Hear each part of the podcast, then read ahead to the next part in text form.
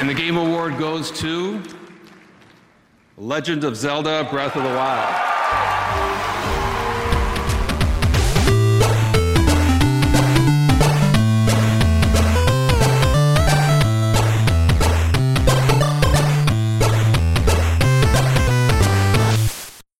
Nog twee dingetjes, jongens. Dat is waar kijken we naar uit in 2018 en onze top 3 van games van, eh, van dit jaar. Nou, daar eindigen we natuurlijk mee.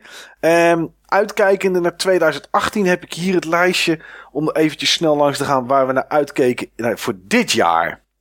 Eh, dus waar we in 2016 van zeiden, daar kijk ik uit naar eh, voor in 2017. Ik had toen niet een top 3 of iets. Ik had 20 games op mijn lijstje staan. Waar Ja. ik naar uitkeek. Ik ga ze niet allemaal langs. Maar ehm, eh, Red Dead Redemption 2 keek ik naar uit. Maar ja, die is niet gekomen. Die werd natuurlijk uitgesteld. Ehm Kan je nu naar uitkijken? kan ik nu naar uitkijken, maar weet ik niet of ik dat ga doen. En daar heb ik ook wel een reden voor. Oké. Ehm, Nino Kuni 2 keek ik ook naar uit, werd ook uitgesteld. Skillbound keek ik naar uit, maar werd gecanceld. Eh, deze game weet ik eigenlijk niet. Ik heb niet opgezocht wat daarmee gebeurd is. Dragon Quest 11, wat is daarmee gebeurd? Is dat uit al, jongens? Is dat niet hier uitgekomen? Wat is daarmee gebeurd? Het is in Japan uit. Oké, maar niet hier. Nee, het, het wordt waarschijnlijk heel snel aangekondigd. Eh, er komt ook nog een Switch-versie waarvan nog helemaal niet bekend is wie die ontwikkelt en wat voor versie dat precies is. En het kan zomaar zijn dat ze die dan tegelijk in eh, Europa en Amerika nog gaan releasen met de PlayStation 4-versie. Ja. Of dat ze de 3DS-versie gaan lokaliseren, betwijfel ik.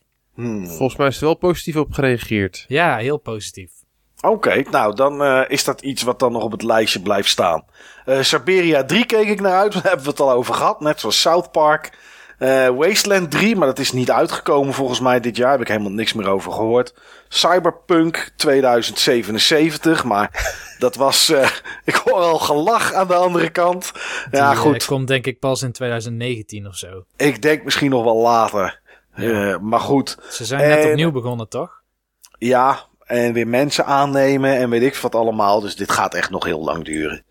Eh, Little Nightmares keek ik naar uit, heb ik wel gespeeld. En Death Stranding stond er ook nog op. Maar dat is, eh, vind ik wel prima. Niels, jij had... eh, oh ja, ik had nog bijgezet dat er... Ik had er zeven... Oh ja, ik had er vorig jaar 37 games uitgespeeld die in 2016 uitkwamen. Dit jaar heb ik er 47 gespeeld. Dus ik heb wel zo. een hoop gespeeld, maar heel Tussen veel... alle decepties door. Ja, heel veel wat hier tussen staat is gewoon niet uitgekomen. Of eh, heb ik gewoon toch niet gedaan. Jij kon nog geen 10 games kon jij bedenken, zei je in de podcast van vorig jaar. In het jaaroverzicht voor dit jaar. Maar je had Zelda Breath of the Wild. Nou, dat is gelukt om te spelen, weet ik. Persona 5 had je ook op je lijstje staan dat je ging spelen. Heb je dat nog gespeeld? Daar heb ik een heel klein stukje van gespeeld. En die heb ik expres aan de kant gezet, omdat ik dacht dat ik Persona 3 eerst nog eens wilde spelen op de PSP. Ah, oké. Dat is puur omdat ik denk dat het heel moeilijk is om terug te gaan naar, nadat je zo'n Persona 5 hebt gespeeld die Snap eh, ik. heel veel Zeer vermoedelijk. Zeer vermoedelijk. Ja. Ja, ja. Eh, Mario Kart 8 Deluxe, nou dat is natuurlijk helemaal goed gekomen. Beyond Good and Evil 2, nou dat zal nog wel even duren. ja, En- daar deel ik Gallius zijn mening wel redelijk over. Ja, dat begrijp ik inderdaad, ja. Ja, goed, er zijn wat beta's nu. Ik ben ook al één keer uitgenodigd, maar ik heb nog niet de tijd gehad om het te spelen. Dus ik moet even wachten tot de volgende beta die komt. Of alpha is het eerder. Eh, en Torment Tides of Numeria, zoiets. Numenera. Numenera, Dat, dat is die Torment waar ik het net over Ja. had. daar keek je ook naar uit, Niels. Ja, maar daar vallen de reviews toch erg van tegen. Oké. dat het niet die waarde heeft, zeg maar, die Planescape Torment zo bijzonder maakt. Het is niet zo, zo eh, rijk qua verhaal en ehm, het is niet zo multidimensionaal qua mogelijkheden. Dus ik, heb die, ik heb ook niet meer de ambitie om die te kopen. Nee. Ik heb mijn pijlen gericht op Pillars of Eternity. Oké, nou ja. Het was in ieder geval, toen noemde je hem in ieder geval. eh, maar het was wel grappig. Je kon nog geen tien titels bedenken. Nee. Terwijl eh, we wisten nog niet alles wat uitkwam, natuurlijk. Maar terwijl dit jaar toch wel eh, een goed jaar was. Ja, Ehm, goed. Ja, Steve, jij kijkt uit naar Jokelele. Nou, die heb je ook netjes gespeeld. Days Gone, maar dat is helemaal niet uitgekomen. Eh, een game waarvan je verwachtte dat je hem zou gaan spelen was ook Horizon Zero Dawn. Nou, dat is er volgens mij nog niet van gekomen. Dat is er nog niet van gekomen. Die wil ik zowel kopen als spelen.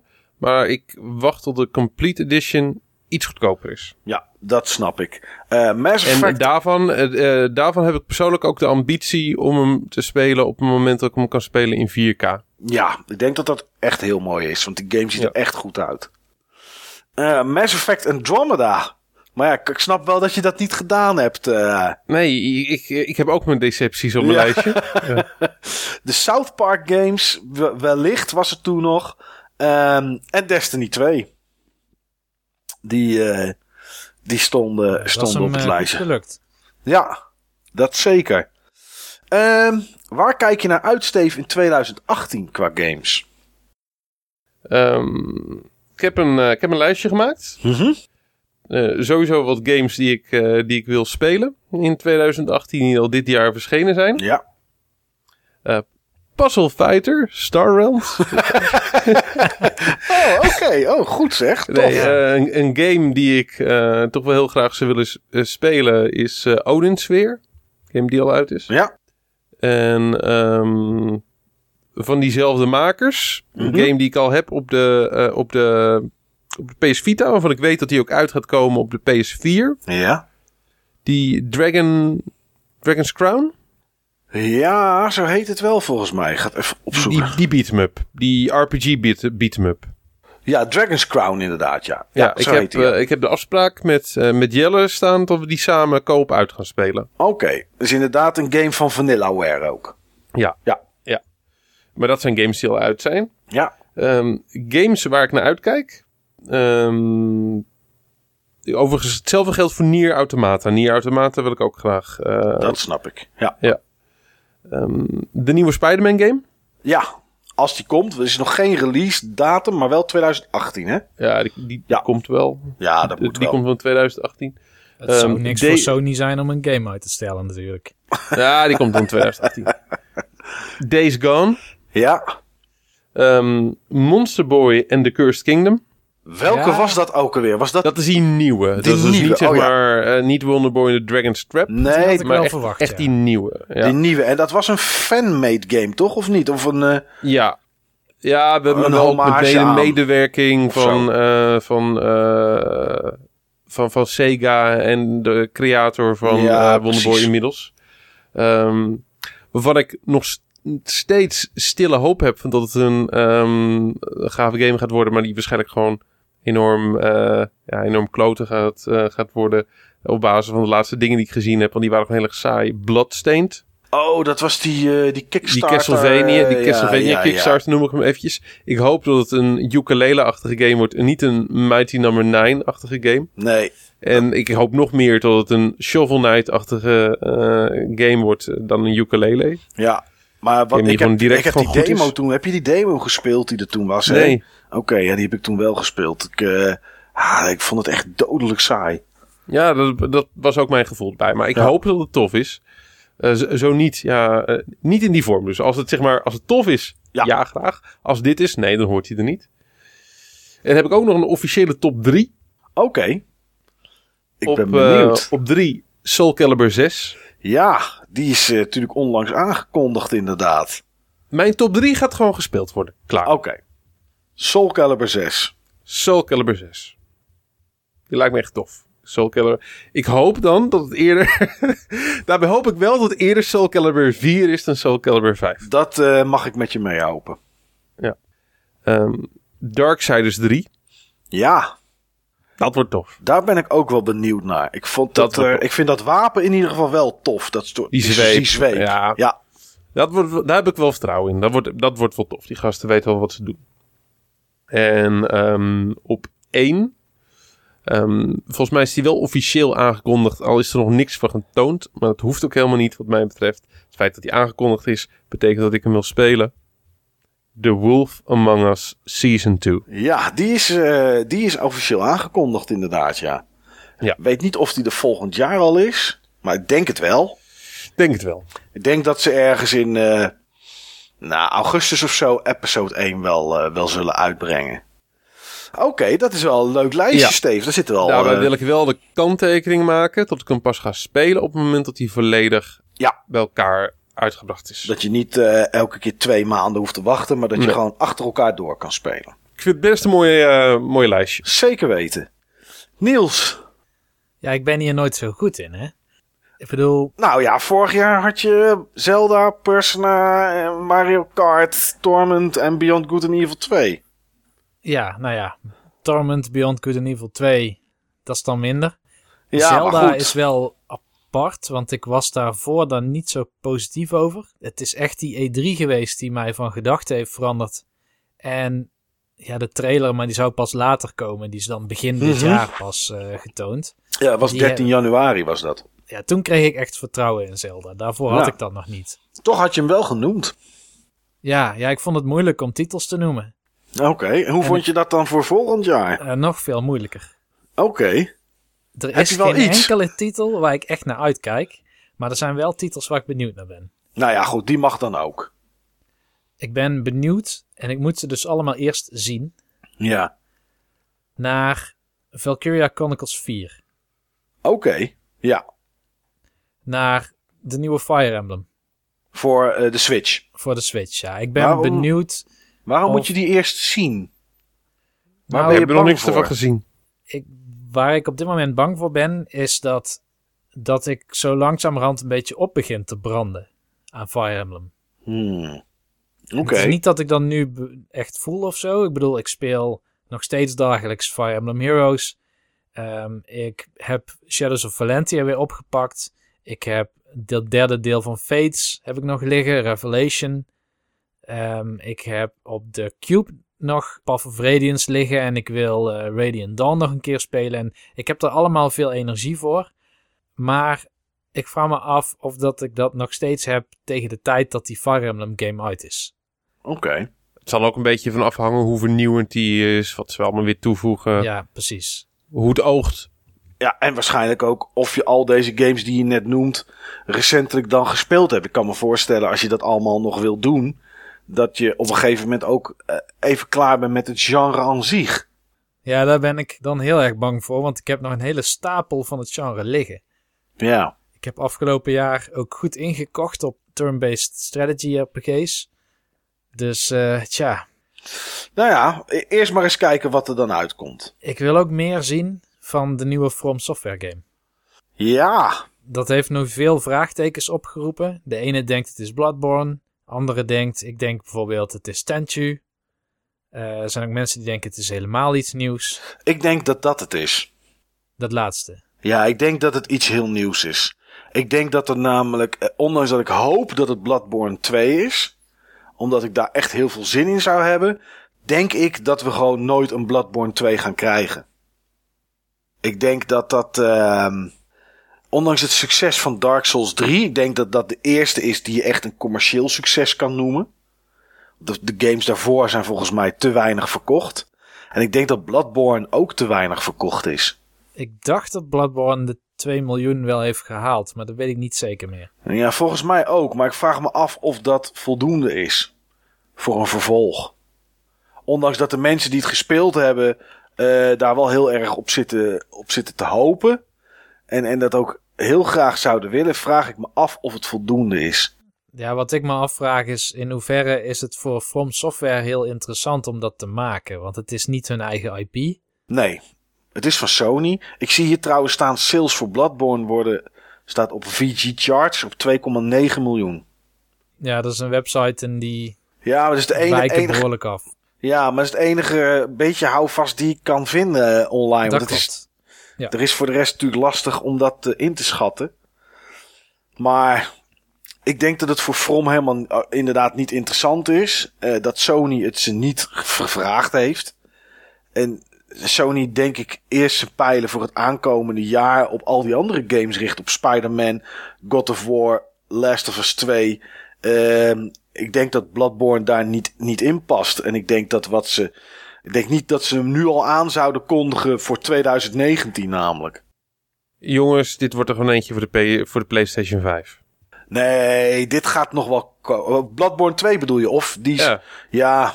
dat, zou zie kunnen. ik ook wel gebeuren, ja. Ja, dat zou kunnen. Maar ik, ik denk dat hij er nooit komt. Denk ik.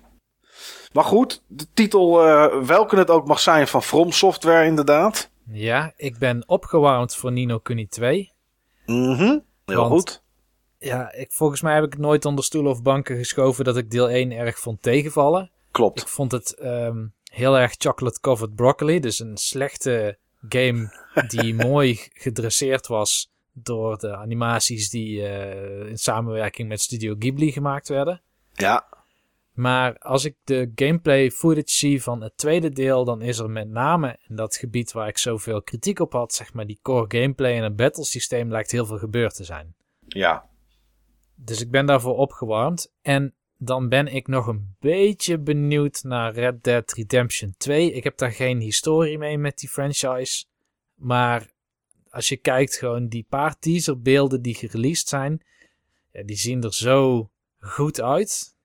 Ik heb wel vragen bij, bij hoe modern die game daadwerkelijk zal aanvoelen. Hmm. Nou, waar ik, en dan komen we gelijk bij mijn lijstje. Hij staat wel op mijn lijstje.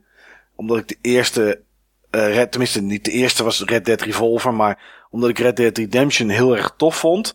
Maar waar ik heel erg bang voor ben, is dat het succes van GTA Online, wat eh, Rockstar echt heel erg heeft, dat dat effect gaat hebben op hoe Red Dead Redemption 2 eruit komt te zien.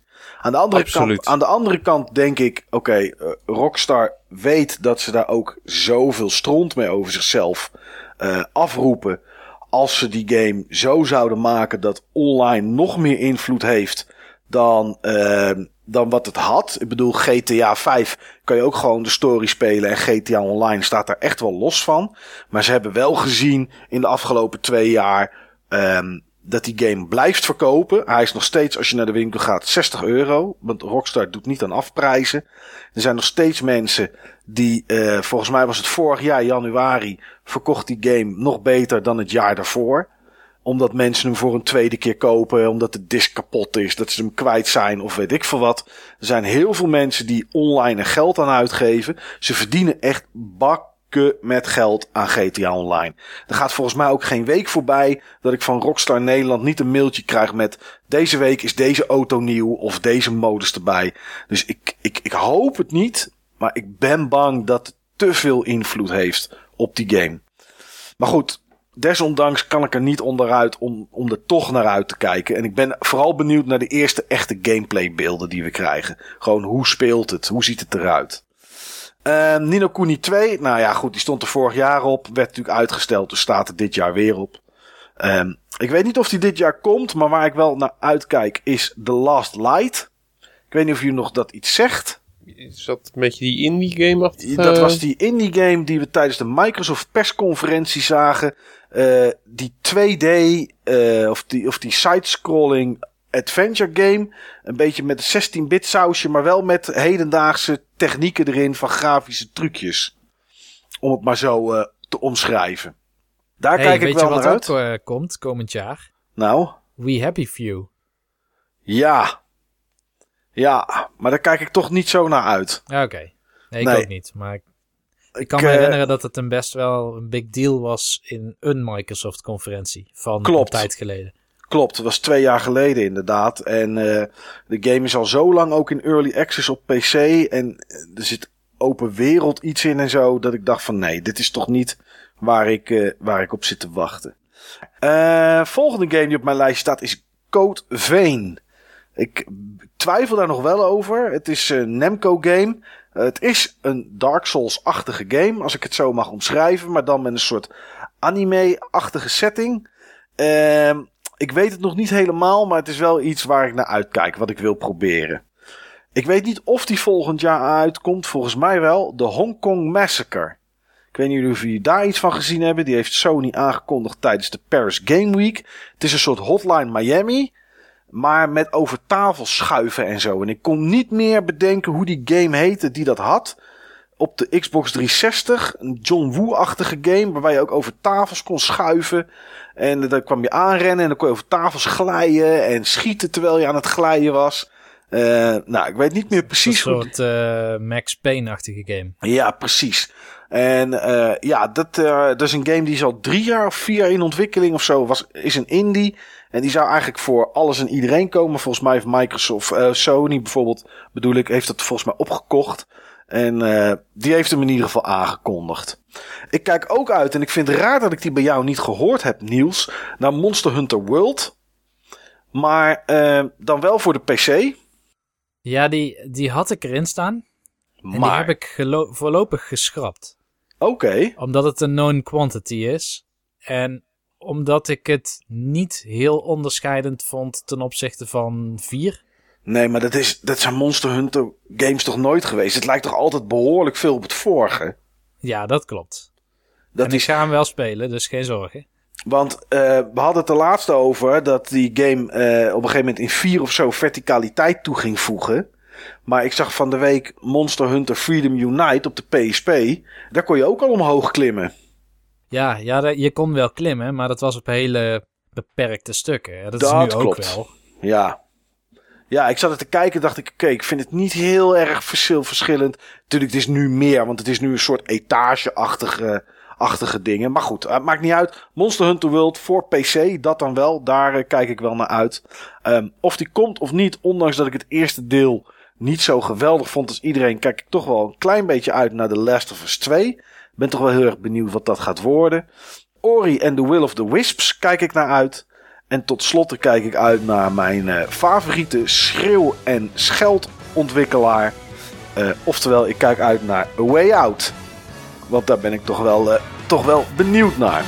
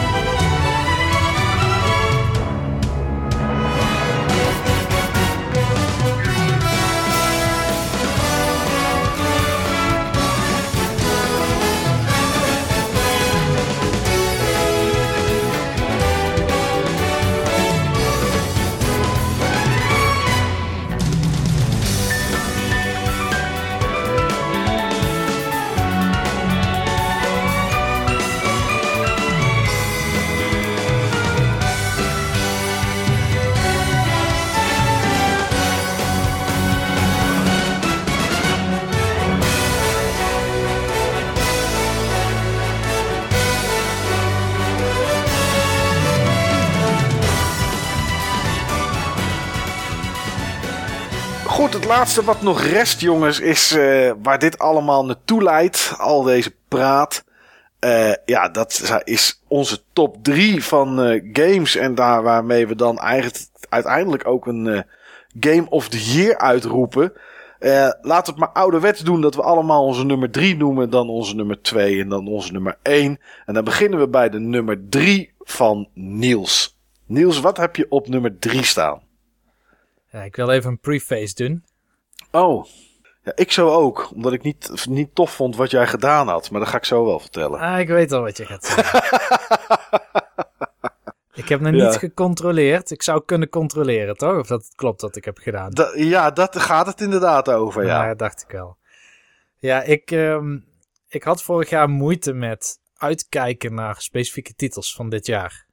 Ik heb uiteindelijk gekozen eh, voor eh, een aantal games die gelukkig wel uitgekomen zijn. En een paar games die niet uitgekomen zijn. Maar ik keek niet heel erg uit naar dit jaar. Nee. En achteraf nu, nu we aan het einde van eh, 2017 zitten, bijna letterlijk. Het is eigenlijk al de laatste dag op het moment dat we nu opnemen. Eh, ik, we noemen dit redelijk aan het eind van 2017. Ja, ja. hoor, Ja. Dit, dit jaar heeft geen 24 uur meer. Ik denk dat er niks meer uitkomt. oh? Misschien op Weet je niet. Maar ehm, ik vond 2017 het beste jaar in een hele lange tijd. Daar ben ik het helemaal mee eens. Het beste zou- ik jaar Ik denk ook dat het zo is. sinds 1998. Oké, nou ik weet niet voor mij sinds wanneer, maar dit is echt van de laatste drie, vier jaar is het echt het beste jaar. Dat sowieso. Ja, ik heb expres eh, ik heb teruggezocht naar releases van de afgelopen jaren. En pas in 1998 kwam ik een jaar tegen. Ik dacht, ja, dit is niet te overtreffen. Misschien wel te, te overtreffen, maar wat er toen gebeurde in 1998. Ik ga, het even, ik ga een paar titels opnoemen hè, die uitkwamen. Ja, Pokémon Red and Blue. De eerste Ja. Pokémon games. The Legend of Zelda Ocarina of Time. ja, De eerste Mario Party. Banjo ja. Kazooie. Oké. Starcraft. Hmm, ja, snap ik. We weten dat dat mijn favoriete game is aller tijden. Althans, Brood War. Ja. Metal Gear Solid. Oh, kwam die ook toen uit? Oké. Half-Life. Oeh, ja. Fallout 2. Resident Evil 2. Ehm, en ja, de rest is niet heel erg de moeite waard om te noemen. Maar als je In vergelijking. als in vergelijking inderdaad, de, de eerste Tom Clancy game volgens mij. Maar als je die titels hoort, dat was Ja, legendarisch dat jaar. Ja, maar dat zijn, het mooie is dat die titels die je nu noemt, zijn nu nog steeds, zeg maar, legendarische titels. Ja, Dat, dat moeten we nog maar zien over eh 19 jaar met de titels uit 2017. ik denk dat er een paar tussen zitten, maar lang niet zo rijk als 1998. Nee. Nee, nee. Dat denk ik ook niet. Ik heb, eh, ik heb in ieder geval mijn games. Ik zal achteraf de runner-ups gaan doen na de nummer 1. Oké, maar Anders- eerst, ik wil eerst alleen de nummer 3. Alleen de nummer 3 is Super Mario Odyssey. Oké. Had ik die hoger verwacht? Nee. Nou, dan zit hij precies waar je had verwacht waarschijnlijk. Ja, dat Lager is. zul je hem niet verwacht hebben, toch? Ik heb er niet veel over gezegd. We hebben ook geen podcast opgenomen in de tussentijd, volgens mij. Ehm, nee, nee, nou ja, goed. Weet je, ik, ik had wel van tevoren bedacht wat daar in jouw top, top 3 zou staan. En één game weet ik zeker. Ehm, en ik denk dat die op één staat, maar ik twijfel daar toch over wat erin. Nou ja, het maakt ook helemaal niks uit. Eh, ja, een mooie game voor, voor nummer 3, Niels. Ja, het is een game en ik moest even wennen. Jij noemde het in jouw eh, Mike's Minutes aflevering. Ja. Waarschijnlijk de beste 3D Mario ooit gemaakt. Ja, dat heb ik vandaag nog een keer gedaan in eh, Mike's Minutes, eh, waar ik eh, top 10 eh, beste games van 2017 heb aangestipt. Ook daarin heb ik gezegd, ik heb Mario 64 niet zo beleefd ehm, als heel veel mensen dat wel hebben gedaan, omdat ik geen Nintendo 64 had. Dus voor mij is Super Mario Odyssey de beste 3D Super Mario die er is. Ja, En, en daarmee denk ik ook de beste Super Mario game die er is. Ik vind het echt, echt een geweldige game. tijdens het spelen van Super Mario Odyssey had ik dat gevoel nog niet. Ik vond het een hele goede Mario game. Het is Mhm. super polished. Ja, Het is echt een game waar je, waarvan je denkt van oké, hier hebben ze alles uitgehaald wat ze eruit konden en wilden halen. Uh, maar ik miste de, zeg maar de, de regisserende hand die in Mario 64 wel zat. De, de logische opbouw van complexiteit in levels. Kijk, nu kun je bijna overal meteen komen. Tuurlijk, je hebt wel uh, werelden die je unlockt. Ja. Maar het is niet per se zo dat de latere werelden qua logistiek complexer zijn dan de eerdere werelden. Nee, dat is niet per se zo. Dat klopt. En ik moest wennen aan dat sandbox idee. Dat het niet meer is van oké, okay, hier, hier is een soort een leus, een, een zin. En die geeft jou een hint voor wat je moet doen in deze open wereld. Dat was hoe ik... Ik ga nu op zoek naar deze ster. Precies. Dat is er niet meer. Het kan wel, je kan het opzoeken. Je kan Ja. met een toad gaan praten en een hint kopen. Of je kan met die papegaai praten en dan krijg je een titel van een maandje. Eh, Maar dat is niet meer hoe je het zou moeten spelen als je alles eruit wil halen, denk ik. Nee, maar ik, ik denk ook dat qua tijdsbeeld dit goed past bij nu en Mario 64 goed paste bij toen. Bij toen, ja. Maar toen ik de game eenmaal had uitgespeeld en terugging naar de werelden waar ik al was geweest, zelfs een wereld die ik eigenlijk het minst leuk vond. Dat is die in dat bos met die beestjes Oh met ja, die lange poten. Met die lange poten. Vind ik ook niet zo'n leuk level. Maar nadat ik hem heb uitgespeeld en dat ik alle maandjes ging zoeken, toen vond ik het echt heel erg goed. Toen Ja. kon ik geen wereld in Mario 64 bedenken die ik beter vond dan die ene wereld. En dan is het nog steeds niet eens mijn favoriete wereld uit Mario Odyssey. Nee, welke is je favoriet? Ik denk eh, die Metro eh, City.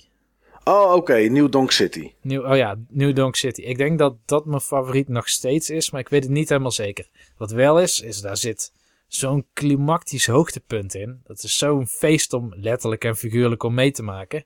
Ja. Dat eh, hoef je niet de game eerst voor uit te spelen, maar Nee.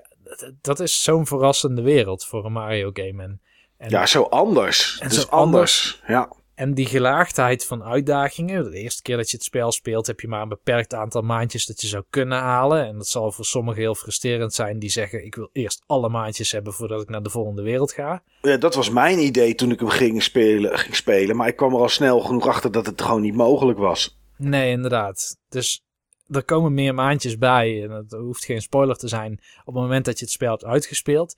Ja. Maar dan komen er ook uitdagingen bij. En die doen me echt weer denken aan Mario Sunshine. Wanneer je die flood kwijtraakte.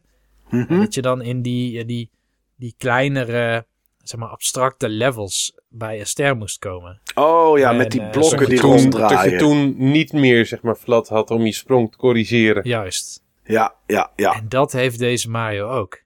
Het is heel technisch. De moveset van Mario is de beste die hij ooit heeft gehad. Hij kan meer dan in Mario 64. En dat was echt de, de standaard, zeg maar, voor Mario games. Ze hebben er veel uitgehaald, juist in de Mario games daarna. Qua moveset. Mhm. Galaxy is be- bestuurd heerlijk, zeg maar. Maar Mario kan niet meer die eh, moves aan elkaar chainen zoals hij wel kon in 64. En 3D World vond ik ook echt een hele goede game.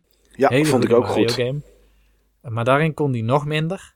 Ja. Het is, het is elke keer de kunst van het weglaten geweest. En dit is de eerste Mario waarvan ze zeggen, en dat is ook karakteristiek voor heel de Switch eigenlijk. En de games die, waar Nintendo de focus op legt, is, ah, weet je wat, al die casuals laat maar. We gaan vol inzetten op degene, de mensen die echt van videogames houden en die ook die complexiteit omarmen. Mario kan weer alles. Ja, maar toch hè, vind ik dan Super Mario Odyssey eh, voor beide, eh, voor beide eh, publieken, om het maar zo te noemen. Klinkt een heel raar woord, maar voor Ja. beide groepen van publiek. Ja, het is voor de casual als je gewoon alleen de story uit wil spelen. Dat is echt niet moeilijk. Je loopt het pad naar waar je naartoe moet, wat aangegeven staat. Soms zitten er wel een klein beetje frustrerende bossfights in. Ik vond namelijk die met het strand en dat water. Dat vond ik geen toffe bossfight. Daar had ik wel even wat, wat moeite mee. Maar voor de rest zijn ze allemaal prima te doen. Ehm, vind je altijd wel een paar maandjes zodat je er genoeg hebt om naar de volgende wereld te gaan. En ben je een casual en wil je gewoon lekker Mario spelen en je vindt het prima als je hem uit hebt gespeeld. Gaat daarna nog een keer een avond een beetje klooien. Is het een geweldig goede game. Maar ben je wel degene die eh, die 999 maandjes wil verzamelen. En al die muntjes in al die levels en alle, alles items daarmee wil kopen en weet ik het allemaal. Dan zit er echt heel veel uitdaging bij en echt heel uitdagende platformstukken. Eh, en dan is die ook voor jou, zeg maar. Het is echt van, van, het is alle twee die doelgroepen. Ja. Je kan onwijze sprongen maken. Hè? Ik, ik zag het een keer in een video ook online. Maar ik ben Ja. dat daarna ook gaan proberen. Waarin jij een badstorm doet. Dan spring je onmiddellijk. Dan kom je iets hoger uit. Dan gooi je je pet. Daar duik je dan op. Of, of je maakt eerst een long jump of zo. Ja, Maar je ik, ik kan zag dat iemand, ik zag iemand, eh, ik zag iemand van New Donk City. Als je daar binnenkomt, dan land je. En dan moet je een heel stuk naar rechts en moet je met een elektriciteitskabel naar beneden. Ik heb iemand gezien die sprong gewoon van het punt waar die, waar die begon helemaal naar de overkant. En dat is echt een groot gat. Nou, ik heb het geprobeerd. Ik heb echt moeite met dat soort sprongen. Die lukken me gewoon echt niet. En ik weet dat je om alle maandjes te halen, dat er wel wat van dat soort stukken tussen zitten. Waarbij je echt uh, een stukje moet lopen, dan inderdaad bukken en dan springen, zodat hij verder naar voren gaat. Dat je een soort long jump doet. Dan je pet gooien, erop springen en weer een of andere jump doen. En dan je pet weer gooien. Nou, ik kan het echt niet. Maar ik ga het wel een keer oefenen en kijken hoe ver ik kan komen. Maar ja, weet je, er zit voor alle, voor alle groepen zit er iets in. Ja. En dat maakt hem gewoon echt heel goed. Het ziet er tof uit. Die werelden, eh, die, nou ja, die mechanic van die pet is gewoon gaaf. Want je kan, ze kunnen alles met die pet doen. Uh, tegen het einde, ik zeg maar, kom je nog uh, die vogeltjes tegen met die lange neus. Die, waarmee je tegenstanders kapot kan pikken en waar je mee in muren kan, kan gaan zitten. Dat je jezelf weer kan katapulteren. Ja, super gaaf man. Echt gewoon heel gaaf. Ja, ja, plus er zit een wereld in en die verwacht je gewoon niet in een Mario game. Er zitten meerdere werelden in dat je denkt, wat is dit? Heb je dan over New Donk City of over een andere wereld? New Donk City is nog braaf vergeleken met wat er nog komt. Oké. Oké, ik weet niet of ik er geweest ben. Ik heb hem uitgespeeld en ik, ik heb 250 maandjes verzameld. Dus ik weet niet van of de twee ben je geweest. Daar heb je het mij ook over geappt. Oh ja, ja, ja, ja. En de andere game, daar ben je dan waarschijnlijk nog niet geweest. Nee, nee, dat andere, denk ik niet. De andere wereld. Je kan er wel komen hoor. Je, af en toe kom je een schilderij tegen waar je in kan springen. Dat is in Mario 64. Klopt. En één keer kwam ik dat schilderij tegen naar zo'n wereld. En toen dacht ik, oh, staat dit me te wachten? Oké, ik nou wil dat... niet spoilen. Nee, nou dat heb ik dan nog, dat ben ik nog niet tegengekomen. Maar die andere inderdaad wel. Dus niet zo'n hele lange wereld. Ligt ook maar drie maandjes volgens mij. Ja. En, uh, maar dat, ja, dat heeft iets weg van een, nou om het cryptisch te omschrijven. Dat ziet er een beetje uit als een wereld van een gamereeks die Niels en ik heel tof vinden. Uh, Steve, jouw ding is het niet. En uh, je gaat er heel vaak in dood. Nou, denk dat we dan. Uh... Nou, dat, dat zegt wel iets. en dat zag er op die manier zag dat er een beetje uit. Dus uh, ja. ja, ik snap dat deze bij jou op drie staat, Niels. Steve, wat heb jij op drie? Een, een game waarvan ik zeker wist dat hij in mijn top drie ging komen. Uh, nadat ik zeg maar een stuk gespeeld had en hij me begon te grijpen. Uh, ik wist alleen nog niet op welke plek. Uh, inmiddels zijn we ruim een half jaar verder en kan ik de plek uh, ja, noemen. Het is plek 3. Legend of Zelda Breath of the Wild. Ja, ja die hoort, uh, hoort zeker thuis in een top 3, denk ik. Ja, dat is een geweldige game. Op zoveel vlakken. Ja. En ja.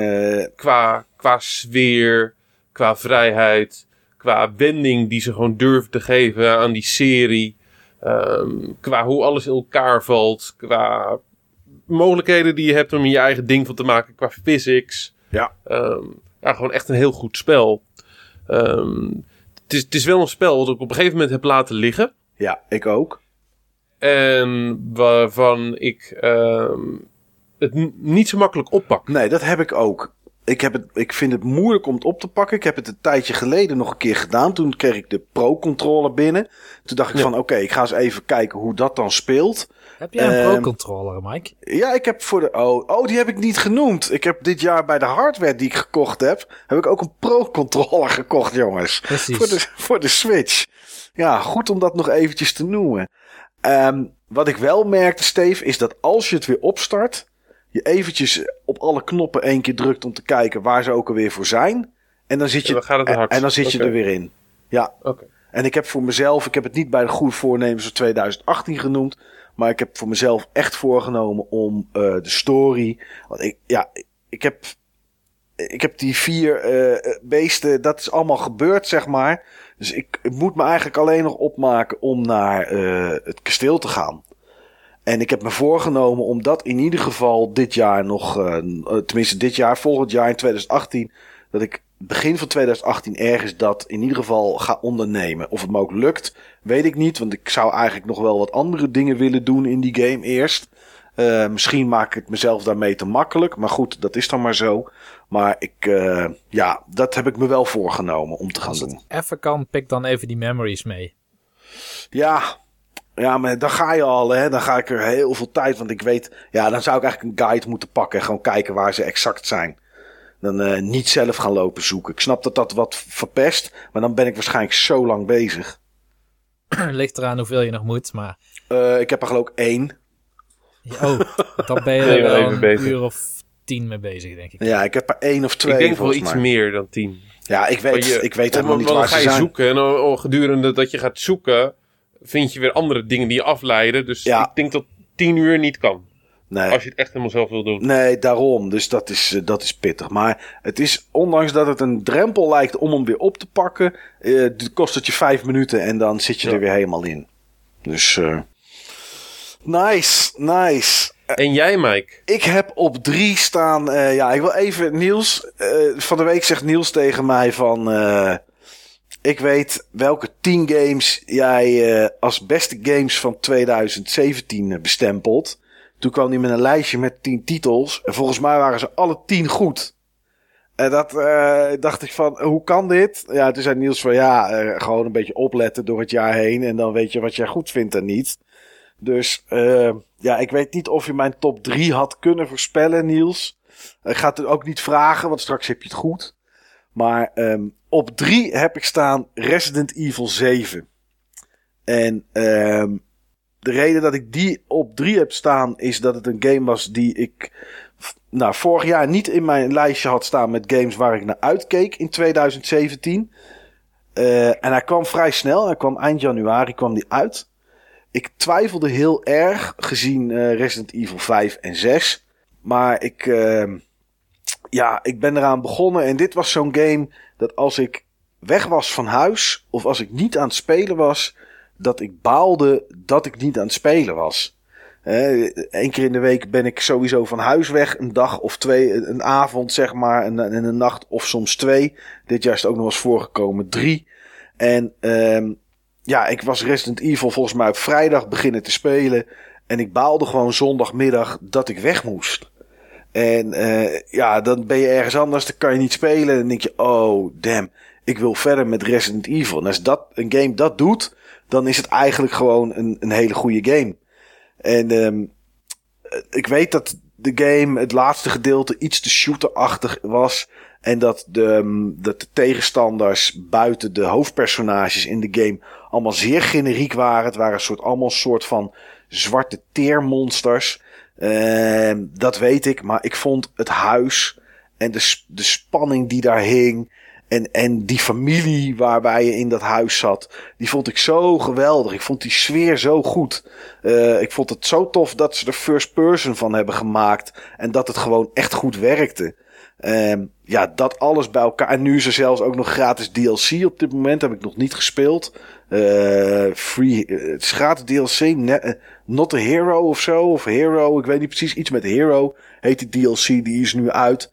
Eh, misschien ga ik dat nog wel een keer spelen. Gewoon om eventjes te kijken wat het is. Het is story DLC. Maar eh, ja, ik weet niet. Ik vond dit echt gewoon een verrassende game. Ik denk dat die daarom ook in de top 3 staat. Ik zal niet zeggen dat er andere games waren die minder goed waren. Er waren misschien wel games die nog iets beter waren. Alleen die had ik van mij de versie aankomen, zeg maar. En dat had ik niet met, eh, met Resident Evil 7. Dus ja, vandaar dat die eh, bij mij op nummertje 3 staat.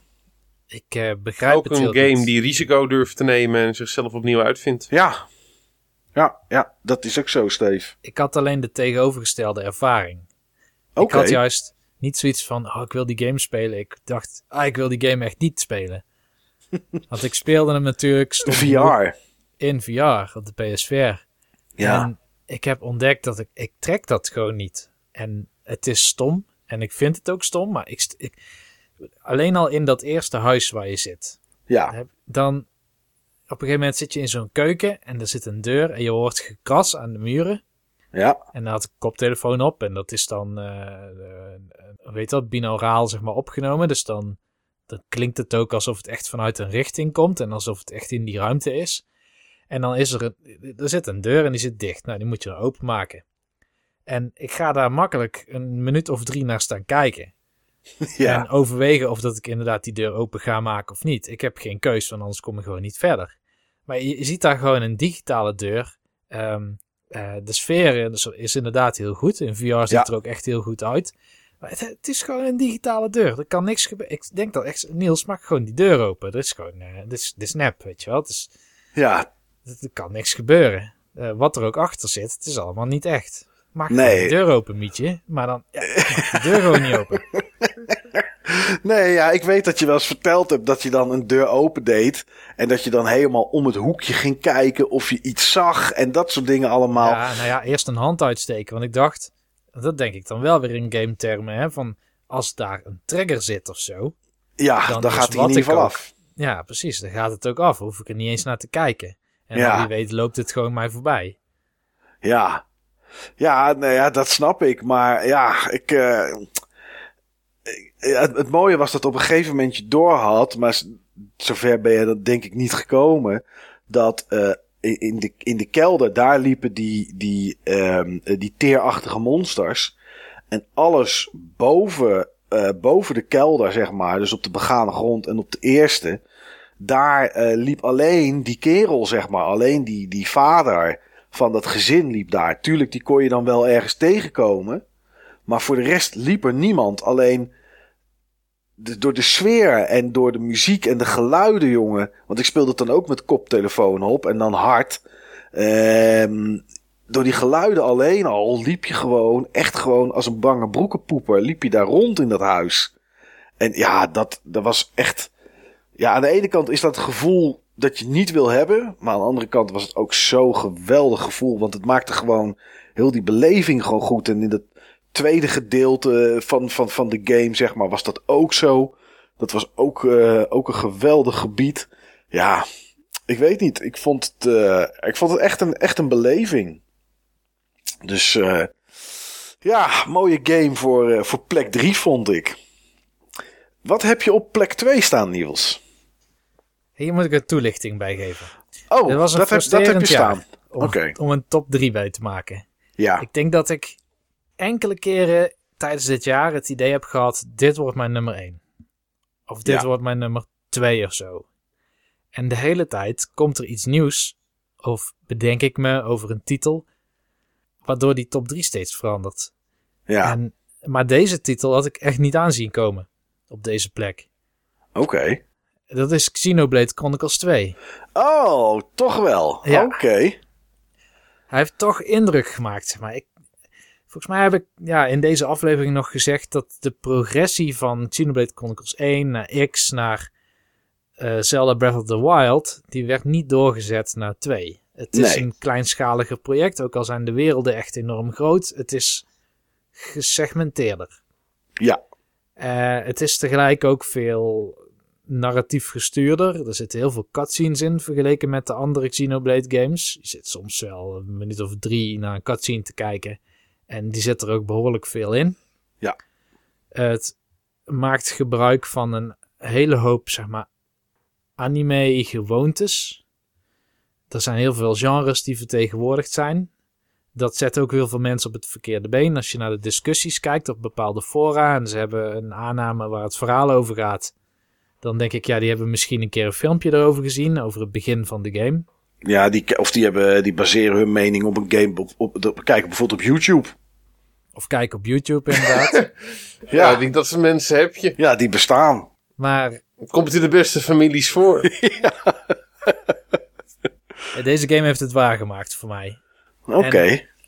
Ik denk dat het de laatste Xenoblade game is. Eh, niet, Hmm. niet per se door, door wat er in een verhaal gebeurt. Nee. Maar ik denk dat de, de filosofie waarop de Blade games gebaseerd zijn nu al uitgekoud is. Ja, oké, op die manier. Ze hebben één gemaakt, ze hebben X gemaakt en nu twee. Het is goed zo. Het is nu goed zo inderdaad. En 2 is echt zo'n vakkundig gecrafte ervaring. Je hebt het gevoel dat je echt ergens komt. En wat verhaal heb ik het natuurlijk al over gehad in de Game Talk. Ik heb het in de Game Talk vrij uitvoerig over deze game gehad. Dus ik hoef het er nu niet zo lang over te hebben. Nee. Maar ik dacht na X van... Voor mij mag Monolith Soft echt even op een zachter pitje. Ja. Ik had ook niet verwacht dat ze nog met een nieuwe game zouden komen. Want toen ik X had gespeeld, toen, of uitgespeeld, toen was deze nieuwe nog niet aangekondigd. Deze werd pas in januari aangekondigd. Ja, toen zagen we voor het eerst iets. En binnen hetzelfde jaar is die er. Dat is op zich uitzonderlijk. Ja, het is in korte tijd gemaakt. Maar het schijnt wel tegelijk met X in ontwikkeling geweest te zijn. Oké, ja. Moet ook haast wel als je kijkt Ja. hoeveel erin zit. Ja, moet wel. Ja, dat kan niet anders. Uh, hoewel het dus in bepaalde aspecten een stap terug doet ten opzichte van X, een stap terug doet ten opzichte van deel 1, doet het alles bij elkaar zoveel goed. En de payoff van het, het spelen van de game en als je het uitspeelt en de ervaringen en de inzichten zeg maar, die je daardoor hebt gekregen, die zijn zo goed. Ja, die maakten het beter dan mijn ervaring met Mario Odyssey. En dat zegt heel veel. Ja. Nou, wel begrijpelijk. Ik denk ook dat een game als deze, eh, hoe goed Odyssey ook is, wel verdient om iets hoger te staan. Omdat Odyssey, heel oneerbiedig gezegd, maar een platformer is. En dit behuist zoveel meer. Ja, dat, dat is wel zo. Nou moet ik zeggen, Odyssey zal een evergreen title zijn. En dit Ja. niet. Nee, dat is, daar heb je gelijk in. Ja. ja dit zal Odyssey- nog steeds, over een jaar of twintig, zal dit denk ik nog steeds een titel zijn waarvan mensen denken, kijk, toen werden er goede roleplaying games gemaakt. Ik vind het een stomme titel overigens voor, voor het genre, want ik vind ehm, al die Japanse games niks met roleplaying te maken hebben. Ik vind het meer strategische adventure games of zo. Hmm, ja. Ik zou het meer zoiets noemen. Ja. Turn-based strategy games. Ja, want het zit eh, bij de Japanse games draait Met een alles. verhaal. Ja, precies. Het draait allemaal om combat. Je hebt meestal geen enkel andere manier om een situatie op te lossen. Nee, nee, dat is ook zo. En die heb je wel in Baldur's Gate en Pillars of Eternity en Planescape Torment en zo. Fallout. En Fallout. Dus dat, dat vind ik dichter tegen de essentie van roleplaying aan zitten. Maar Ja. Ik moet zeggen, ik kan heel erg genieten ook van, van die Japanse games, zoals een Xenoblade. En eh, vandaar dat hij op de tweede plaats staat. Oké. Nou, duidelijk.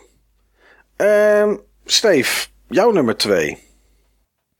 Mijn nummer twee ehm, is een game waar ik samen met andere mensen erg van heb genoten. Mhm. Het is een, eh, een game die ik regelmatig gespeeld heb met mijn clan.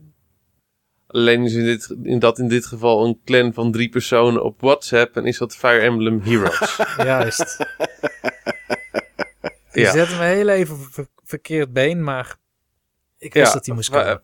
Fire Emblem Heroes is een game die naar mijn optiek absoluut in een top 3 lijst ehm, thuis hoort. Ja. Die niet zo eh, thuis kan horen. Die misschien wat minder vanzelfsprekend is als veel titels die je hierin zal, ehm, zal aantreffen eh, dit jaar. Ja. Maar bevat een aantal elementen die het voor mij heel erg logisch en passend maken. Ehm, wat deze game heeft ten opzichte van andere games, ehm, die we waarschijnlijk allemaal gaan noemen, is dat die gratis is. Ja. Dat die speelbaar is op elk platform. Ehm, tot toen die uitkwam dat die goed was en dat die sindsdien enorm is uitgebreid, aangepast, verbeterd, eh, completer eh, gemaakt. En tot Niels en ik waarschijnlijk allebei geen goed beeld hebben van eh, hoe groot deze game nu is en hoeveel content erin zit en hoeveel eh, karakters je gratis bij elkaar kan, eh, kan scharrelen op het moment dat je nu met die game zou beginnen. ja. Precies. Plus alle events die ze gedaan hebben. Dat was ook wel alle uitzonderlijk. events die ze gedaan eh, hebben. Ehm, Niels en ik hebben allebei best wel wat geld in die game eh, gestopt. Ehm, in retrospect durf ik te zeggen dat eh, op het moment dat we dat niet hadden gedaan, had het qua hoeveelheid gave karakters die we eh, ehm, hadden gehad op basis van alle dingen die ons zijn gegeven, niet veel uitgemaakt. Oké. En dat heeft niet per se te maken met Niels' geluk. Nee, ik begrijp wat Nee. je bedoelt. Je hebt gelijk, Steve. Ja, dus er is ons gewoon echt heel erg veel eh, gegeven. Hij speelt goed op, i, eh, op iOS, hij speelt goed op Android. Ehm, eh, moderne telefoons, iets oudere telefoons, niet op een te oude telefoon aan, eh, aan beginnen. Het is laagdrempelig en het is complex. Ja. Ja, ik eh, heb daar helemaal niks eh, aan toe te voegen of over te vragen. Ik denk dat het helemaal Nee, klopt, het is, het is vele malen ehm, eenvoudiger dan, ehm, dan, dan welke, ehm, DS of Game Boy, eh, Fire Emblem dan ook. En het is vele malen complexer dan welke DS of Fire Emblem op de Game Boy of Game Boy of Nintendo DS dan ook. De mogelijkheden om karakters eh, te creëren zijn bijna eindeloos. Ehm, het aantal lagen die, eh, die, die zijn toegevoegd, waar je ook zeg maar eh, rekening mee kan houden of ermee iets kan om je team samen te stellen, teams beter te maken. Ehm, ik snap ze allemaal niet meer.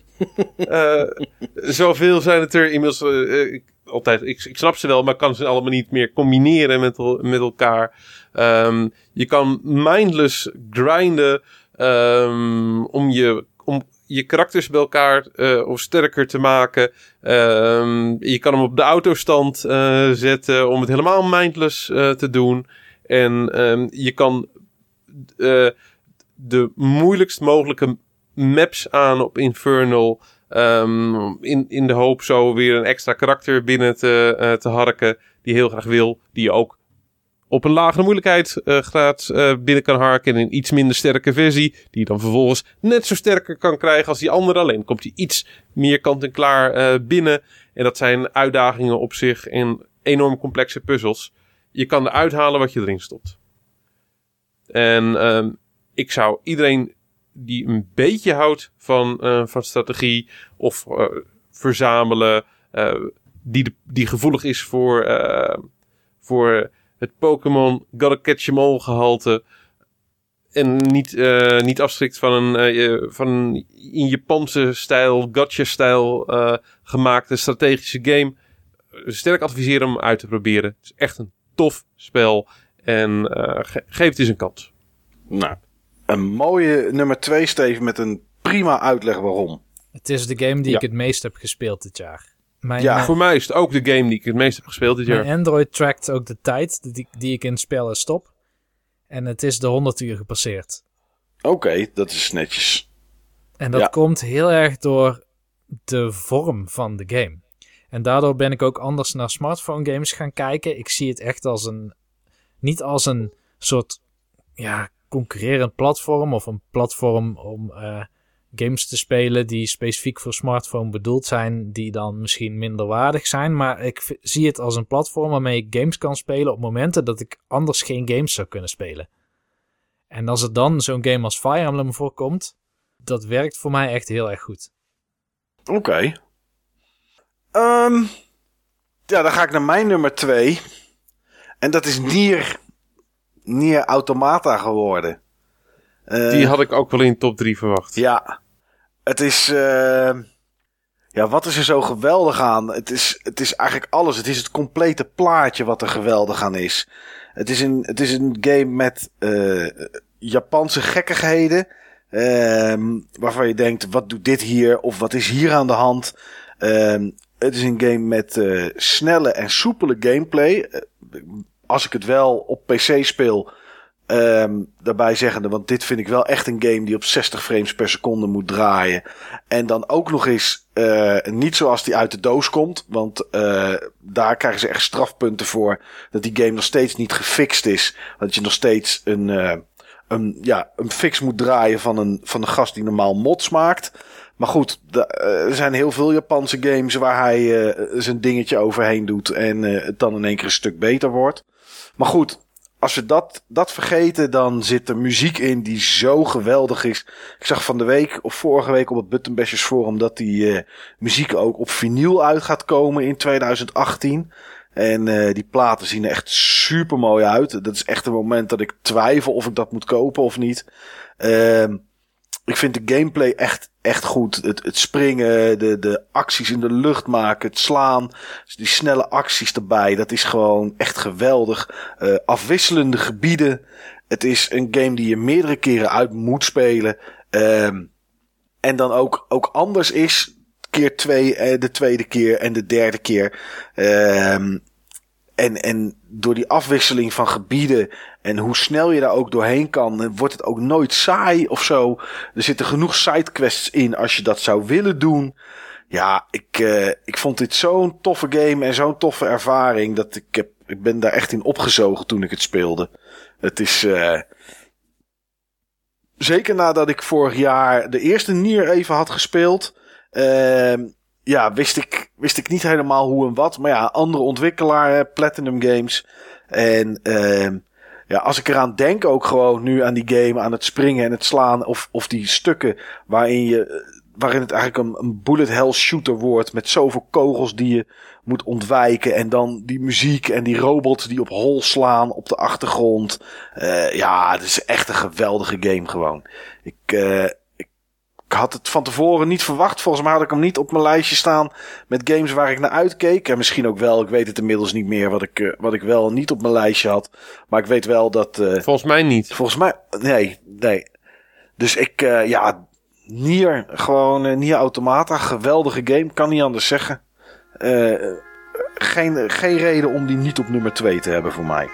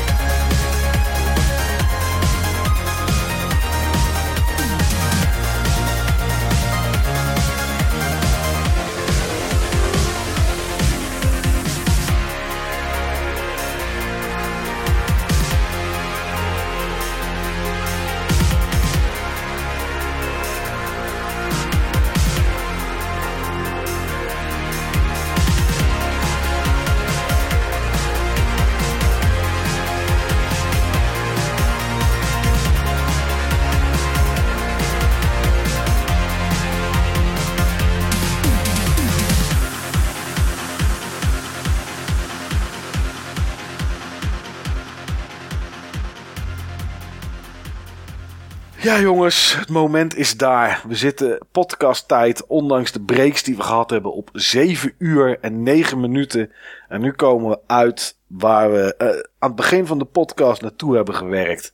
Niels, wat is jouw nummer 1? Wat is jouw Game of the Year? Ja, het is niet Horizon Zero Dawn.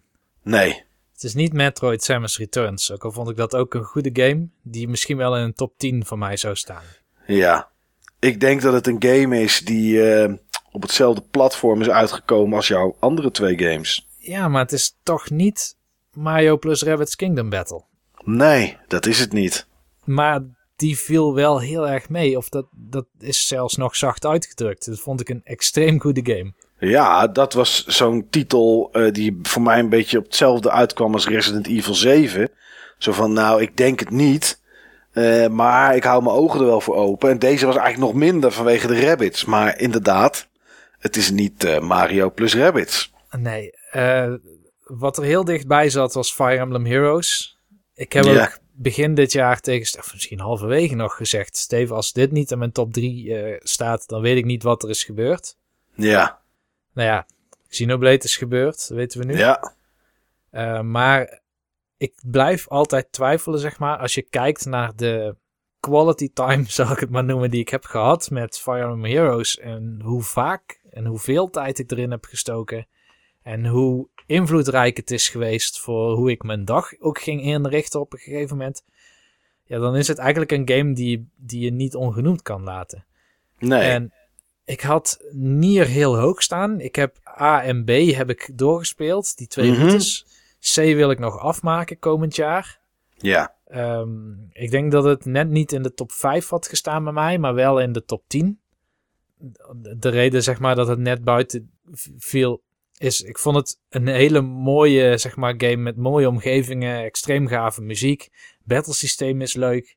Ehm, alleen ik vond battlesysteem in combinatie met, het is niet echt een open wereld, maar er zitten zeg maar grote open segmenten in waarin je soms Mhm. een quest moet gaan doen en het op en neer loopt te lopen zeg maar tussen het kamp waar je in begint en, en bepaalde zones daaromheen Ja. dat ik vond dat niet lekker op elkaar aansluiten. Zeg maar. Ik had dan, voor mij had de game beter gewerkt als een lineaire ervaring zoals Bayonetta.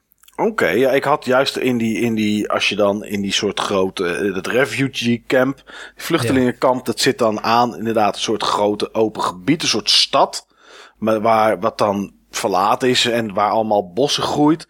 En als je dan die muziek hoort en ik was aan het rennen en aan het springen en door de lucht aan het dashen, met die muziek op de achtergrond, zonder tegenstanders neer te slaan. Ik weet niet, vond ik gewoon een, een soort hemelsgevoel. Dat was echt gewoon een soort vrijheid met die muziek. En dat was, ja, ik vond dat juist heel gaaf. Ja, ik vond de sterkere momenten dus dat je bijvoorbeeld ehm, bij dat pretpark bent met al die robots. Ja, En eh, even kijken, wat heb je daarna? Dan heb je zo'n zo'n bos waar robots dan een soort dorpje en bestaan hebben gebouwd. ja, ja, Dat, dat voelde lineair aan en dat waren voor mij ook de sterkere stukken uit de game. ja. Plus de bosses die echt geweldig zijn. Zo'n soort booreiland of zo wat jou dan aanvalt. Ja, Dat, bizar Dat, toch? dat is Platinum Games op en top. Dus Ja. eh Bayonetta 3, here we come. Mhm. Nou ja, ik denk dat, dat ik, kan, ik had het niet kunnen verbergen. Het stond ook al in mijn top 100. Heel hoog. Mijn echte nummer 1 Ja, het was duidelijk. dit jaar is Breath of the Wild. Ja, En ja, die game heeft bij mij zo'n indruk gemaakt. eh, op veel mensen en veel ehm, critici, zeg maar. Eh, volgens mij is het nu ook de game die eh, de meeste records lijkt te krijgen van Game of the Year Awards. Van alle, Ja. mul- ja, zelfs, zelfs multiplatform games die... want Het record tot nu toe was volgens mij The Witcher 3. En hoewel Breath of the Wild echt maar op één platform is uitgekomen, lijkt dat toch meer rewards te gaan krijgen van review sites die eh, voor alle platformen reviewen. ja. Volgens mij, eh, eh, als ik het zo even moet gokken, is 90% van de websites die een Game of the Year uitroepen, is volgens mij Breath of the Wild op één. En- Gevoelsmatig wel. Ik denk dat het Ja, meer richting de 60, 70 procent zit. nee, ik denk het niet hoor. Meer hoger. Er is, er is een website die houdt het bij. Alle Game of the Years. Het is bijna alleen maar Breath of the Wild wat je ziet. En ik kan het ook zeggen, daar zijn we er gelijk vanaf. Eh bij mij staat die ook op één. Bij mij staat Breath of the Wild ook op één. En er is maar eh, eigenlijk is dat maar in één zin eh, is, dat, is, daar, is dat samen te vatten waarom. Dit is de enige game die ik dit jaar met plezier gewoon 16 uur op een dag heb zitten spelen. 16 uur op een dag. Ik heb één keer 16 uur op een dag Breath of the Wild zitten spelen, ja. Wauw, oké. Ja. En Ja. had ik niet eens, let op, had ik niet eens een pro-controller. Als je een pro-controller had gehad, eh, Mike, dan was je daar rond. nog vet overheen gegaan. Ja, klokje rond. Nee, dat was een dag dat wij hebben zitten skypen ook, Niels. Toen begon ik 's ochtends al rond een uur of negen. Ergens middags gingen wij, gingen wij skypen. En toen ging ik die berg beklimmen, volgens mij, eh, dat verhaal.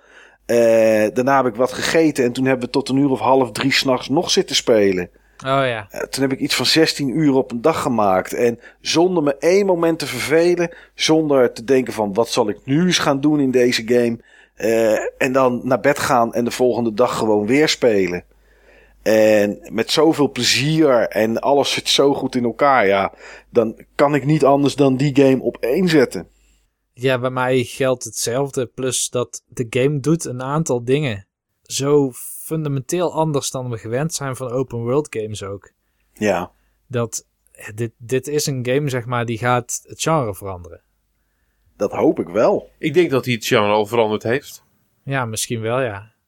Ja, Maar gewoon dat je gewoon je eigen map creëert, je eigen markers. Dat is echt wel ehm, ja, heel, heel anders en heel goed. ja, Echt wel een verbetering. Dat, dat is open. ja, je trekt echt je eigen plan.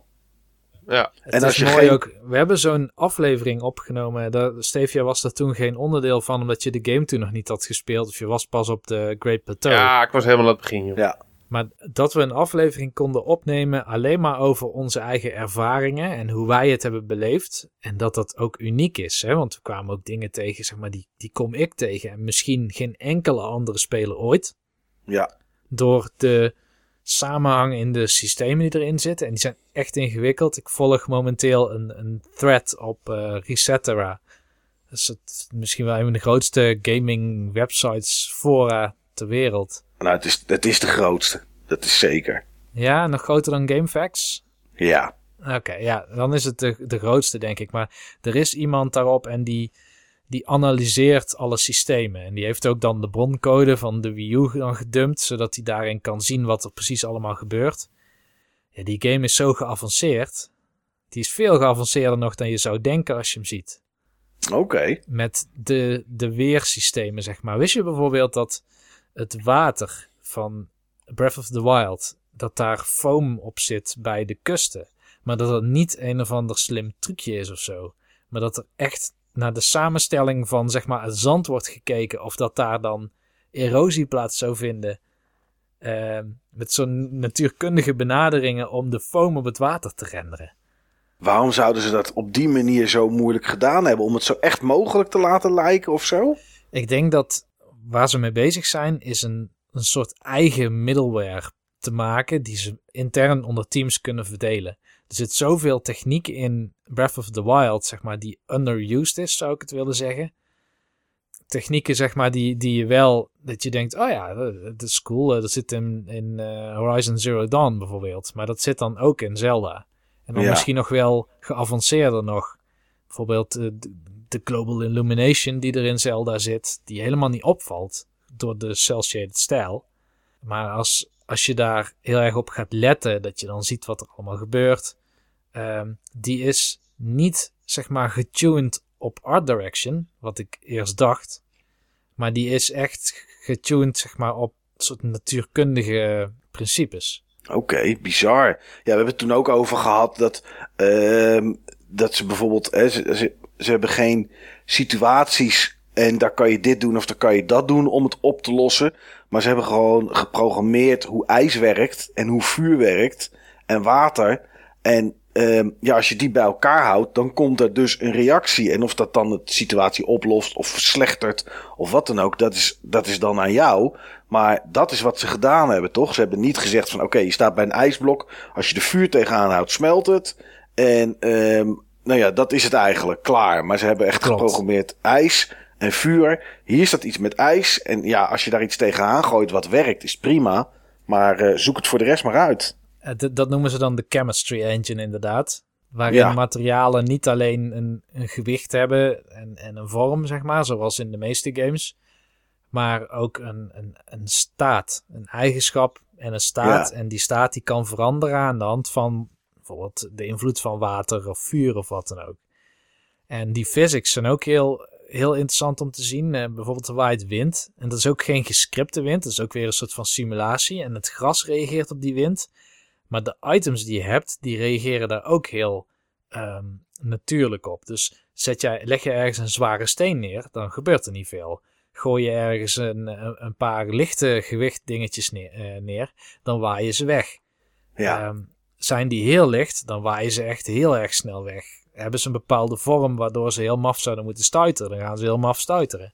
Dus die, ja ze hebben gewoon geprogrammeerd eh, wind en het gaat met deze snelheid. Dan is het deze kracht die die weg kan halen waarschijnlijk. Ja. ja, en dan hebben al die items een eigen gewicht. En valt het eronder of erboven, dan waait het wel weg of niet. En het knappe is hoe het samenkomt. Dus ik heb, ik heb een artikel op, volgens mij was het GameIndustry.biz gelezen. En dat was commentaar dan van, dan moet ik een aantal dingen uit elkaar halen. Want aan de ene kant heb ik die bedenker van Bioshock, heb ik dingen van gezien.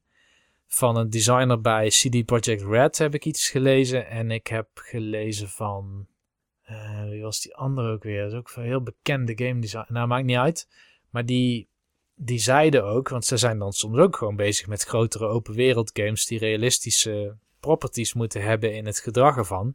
Ja, zeiden van ja, op zich doet Zelda niet iets waar nooit iemand aan heeft gedacht om het te doen, maar niemand heeft het ooit gedaan.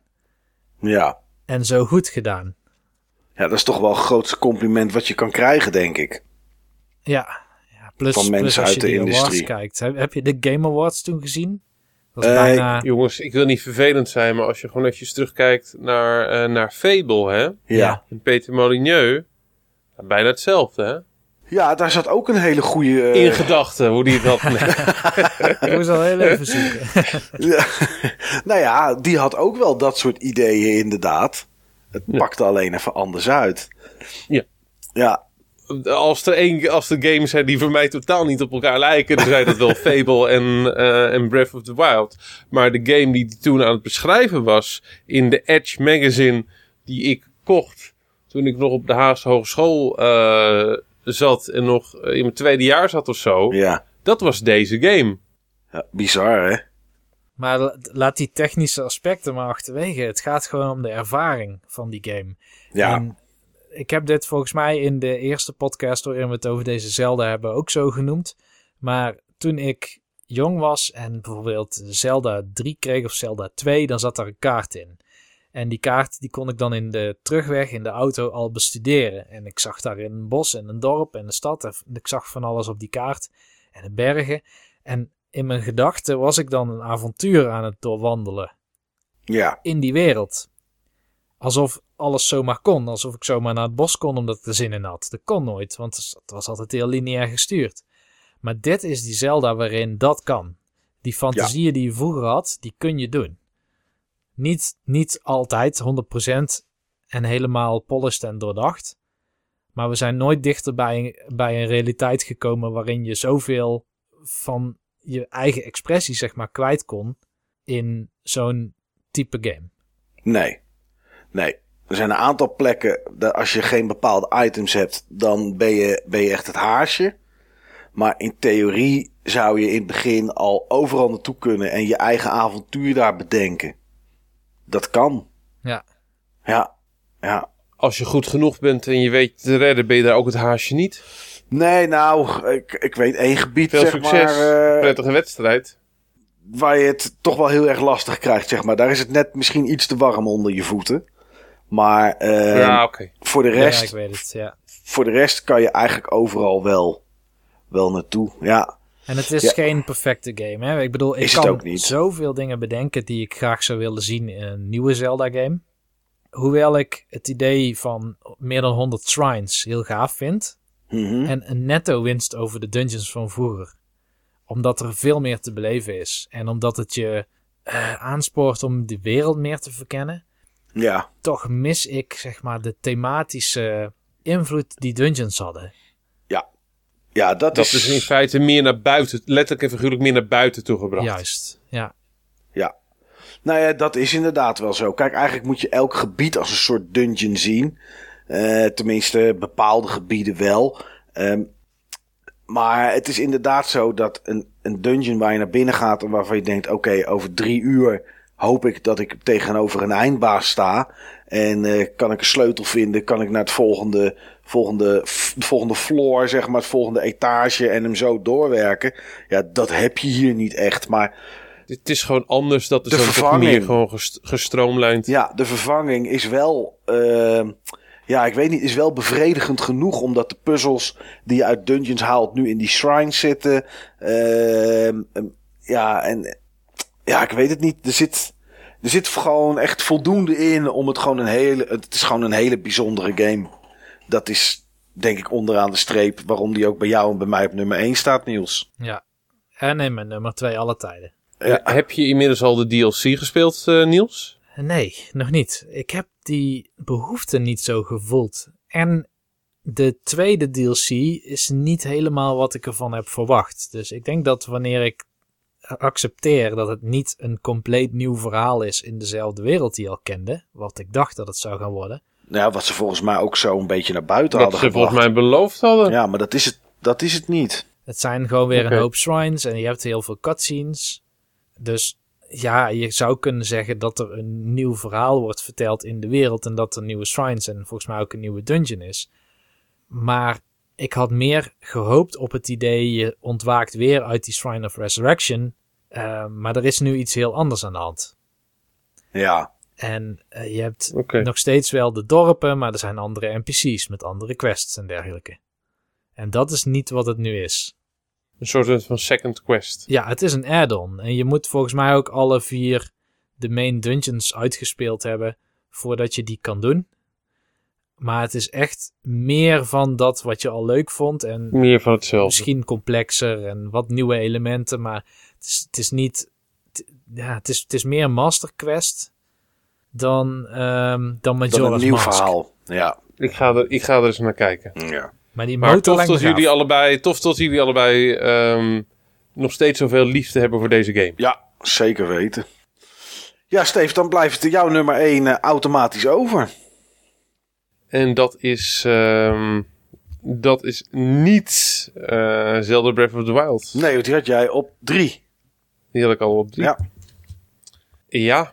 ehm, de, de game die ik op één heb staan is een game waar we het in deze uitzending over hebben, over, over, ook over hebben gehad. Ehm, het is een, een game in een genre waar ik toch wel heel veel liefde voor, eh, voor heb. Het is ehm, misschien wel het genre waarin mijn liefde voor, eh, voor consoles het meest is opgebloeid. En ik mijn vormende consolejaren het meest in heb doorgebracht. Ehm, het is een platformer. Oké. En ehm, ja, ehm, we hebben hem al genoemd. Ja, Ukulele oké. Ja, mooie nummer 1. is het niet. Oh, Ik dan kom- is het ik- Shantae. Nee, ik denk ook niet dat, Shantae, ik denk ook niet dat het Shantae jullie is. da- joh, nog eventjes over Shantae, hè? Ja. Ehm, jullie dachten toch niet dat ik mijn Switch weer had aangezwengeld om eventjes Shantae te downloaden uit de e-shop?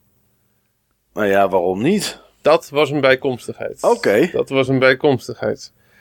Nadat ik begonnen was aan Mario Odyssey. Ah. Dit is weer zo stevig. Dat doet hij elk jaar. Hij is stil. Hij communiceert niet meer. Je denkt, oh, hij is met hele andere dingen bezig. En hop, daar komt hij weer, hè. Daar komt hij weer. Als een soort, ja, als Steve. Ja, nee, ik, ik, had, ik vroeg het me wel af aan het begin van deze uitzending, maar ik denk ik ga het er niet over hebben. Omdat je, toen wij het over Super Mario Odyssey hadden in de vorige Buttonbashers podcast, je zei van oké jongens, jullie hebben, hem, jullie hebben hem verkocht zeg maar, ik, eh, ik ga dit spelen. En toen dacht ik nou, daar horen we aan het begin van deze uitzending horen we er wel iets over. En dat was niet zo. Toen dacht ik, nou ja, oké, weet je, de- komt het misschien de volgende keer, of misschien heeft hij hem toch nog niet gekocht. Maar hij staat op nummer 1, Steve. Ja, en ik heb hem eigenlijk nog maar eh, vrij recent eh, gespeeld. Volgens mij heb ik hem uit mijn hoofd 23 december voor het eerst gespeeld. Oké. Ehm, ik had niet echt de juiste energie en mindset om aan zo'n game te beginnen. Eh, vandaar dat ik maar eh, ukulele was, eh, was gaan spelen. En dat ging eigenlijk heel goed. Toen had ik heel veel plezier in. En toen had ik zoiets van, weet je wat, ik bestel hem gewoon. Ja. Dat is, wel- dat is ook lekker. Die kan ik gewoon lekker meenemen naar mijn ouders met, op de Switch of met, met, met kerst. En eh, zodoende. Ik heb hem eigenlijk op dit moment alleen nog maar in handheld mode eh, gespeeld. Ehm, daar heb ik de vier werelden die ik heb gespeeld eigenlijk eh, dan volledig op doorlopen. En ik ben ehm, ja, op die vier werelden ben ik behoorlijk eh, diep gegaan heb ik echt gewoon een shitload aan, aan maandjes, zeg maar, ja, we weten te, weten te scoren. Ik, ik heb echt gewoon ev- every nook, every cranny die ik kon vinden, eh, ehm, ja, heb Uitgekampt. ik zeg maar, ja, heb ik uitgekampt. Ehm daarin ben ik nog niet volledig, want dat merk ik ook aan mijn, eh, aan mijn purple coin eh, count. Ja. Koopt ook nog purple coins nadat je de eh, werelden hebt uitgespeeld? Nee, die zijn als het goed. Ik weet niet of je overal bij kan al. Maar volgens mij zijn die allemaal in een eerste run te verzamelen. Ja, die zijn wel te verzamelen al, ja. Maar ik moet zeggen dat toen ik merkte dat ik de maandjes niet in één keer kon verzamelen. Ik ook maar zoiets had van, nou, dan ga ik ook niet die purple coins er verzamelen. Nee, ja. dan doe ik dat wel eh, aan het einde, zeg maar. Ik vind het echt een geweldig spel. Ik, ehm, ik vind het een spel waar enorm veel plezier in uitgestraald wordt ehm, van de makers. Enorme creativiteit. Ehm, hetzelfde soort ehm, creativiteit en openheid als dat ik ook eh, mooi vind aan Breath of the Wild. Alleen ik vind persoonlijk Mario Odyssey op een iets ander punt zitten op de balans van, ehm, van, van overzicht en, ehm, en complexiteit, eh, openheid dan, ehm, dan, eh, eh, dan Breath of the Wild. Ik vind hem, eh, het, ik vind de hele vrije game, maar toch net iets meer eh, gestructureerd. En ehm, in combinatie met het, eh, met, met het, eh, het genre platformer. Ik denk dat het waarschijnlijk de beste platformer ooit is. eh 3D-platformer. Ja. Ehm, ja, het valt me gewoon echt enorm. Het, het klikt gewoon heel erg. Ja. Nou ja, Steven, mooi. Ik, eh, ik vind het ook netjes dat je je mond op kunnen houden toen we het net over Super Mario Odyssey hadden. Ehm Het toen is zo Niels. onvoorspelbaar. Dat is mooi toch? Ik vind het. Ja, eh, Weet ik niet, ik doe het elk jaar, jongens. Dus ja, dus in ik principe. probeer, het, eh, oh ja, ik probeer toch Ja, wel elk jaar. Zeg maar, Steven is ja. ook heel tactisch in eh, je niet toevoegen op, eh, wat is het, Nintendo ID of zo, weet ik veel hoe het heet. Ja, zodat anders je had niet je. kan ja, zien Ja, wat maar dat is, ook, dat is ook gedoe, jongens. Dat is ook gedoe. Ja, is het ook met die Dus, codes. ja. Dat is echt eh geëmmer inderdaad. Ja. Ja, Steve, eh, mooie nummer 1 eh kerel. Ja, ik vind het echt een, ik vind het echt een bijzonder eh, goed, eh, goed spel. En ik vind dat er ook heel veel dingen in, ehm, in zowel eh, in eigenlijk alle drie deze games zitten. Die, eh, die, ik heb, die heb ik genoemd, die haak staan op veel dingen die we zien qua ontwikkelingen in, ehm, in de industrie. Ehm, Nintendo is dan toch een beetje gewoon de anti-lootbox eh, company. Ehm, kijk naar al die dingen die je vrij speelt in, eh, in Mario Odyssey. Dat zijn dingen die, eh, die hadden in Eververse gezeten hoor. Al die outfits. Ja, al die hoedjes en petjes en Ja, stickers. al, al die hoedjes en, en, en petjes en stickers inderdaad, ja. Dus, eh, maar dit is gewoon, je speelt gewoon vrij door de game gewoon te spelen. De game volledig eh, te, eh, te, te spelen. Door de game echt te beheersen. Door die werelden echt, eh, echt te kennen. Ja, zoveel oog voor detail. Al die werelden zijn zo anders. Ik heb er nog maar vier gezien. Ja, En ja, ik vind het echt, echt een bijzonder leuk, vrolijk, positief, speelbaar en compleet spel. Echt een, eh, een spel waar ik vrolijk van word. ja, nou dat is het zeker. En dat blijft het ook tot, eh, tot het eind. Ja.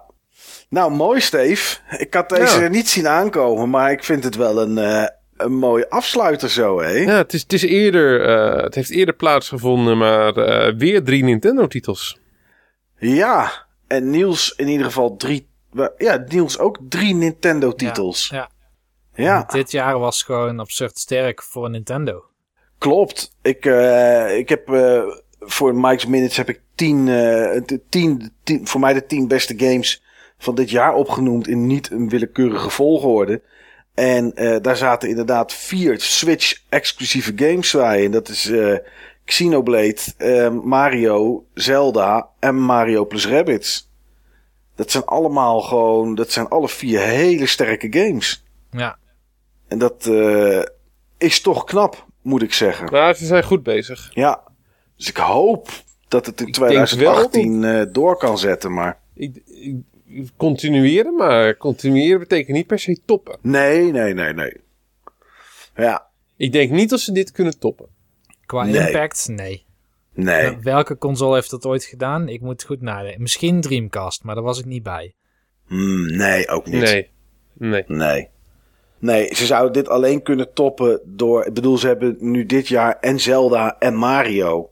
Ik bedoel, dus ik, kan, ik ken geen twee andere reeksen van Nintendo... die datzelfde teweeg kunnen brengen. En dan heb ik, nog niet, heb het nog niet eens over... Pokémon. Ja, Pokémon zou kunnen. Maar eh, dan, dan moeten ze die, als ze zoveel impact willen geven met die games, zoals ze dat ook gedaan hebben met Zelda en met Mario, dan moeten ze die game zo rigoureus anders maken. Want ik bedoel, als het gewoon weer niet oneerbiedig dezelfde soort RPG is met eh, allerlei paden en lopen en verzamelen, dan, nou ja, goed. Wie weet, wie weet wat ze voor ons in petto hebben voor eh, 2018. Ze zijn in ieder geval heel goed bezig. eh, zowel met de Switch als eh, qua mobiele games. Ja. Moeten we ook niet vergeten. Nee, zeker niet. De start is in ieder geval, eh, is in ieder geval gemaakt. Ja. Jongens, 7 uur en 37 minuten staat er op eh, de podcast teller. Het is gewoon kwart voor drie s'nachts. Ja, en we Ik heb een week om... vakantie gelukkig. Ik niet. We begonnen om zeven uur vanavond. Het is inderdaad kwart voor drie. Het is omgevlogen. Ja. Ik hoop dat voor de mensen die het luisteren dat net zo omgevlogen is. Waarschijnlijk is het wel omgevlogen in delen. Ja, dat, ik kan me... Dit is wel omgevlogen in delen. Slaap de- gevallen. dit is gewoon een werkdag, zeg maar. Voor Iemand zou dit de hele dag op zijn werk kunnen luisteren. Ja. En dan, eh, ja, heeft iemand niet gewerkt, denk ik. ja.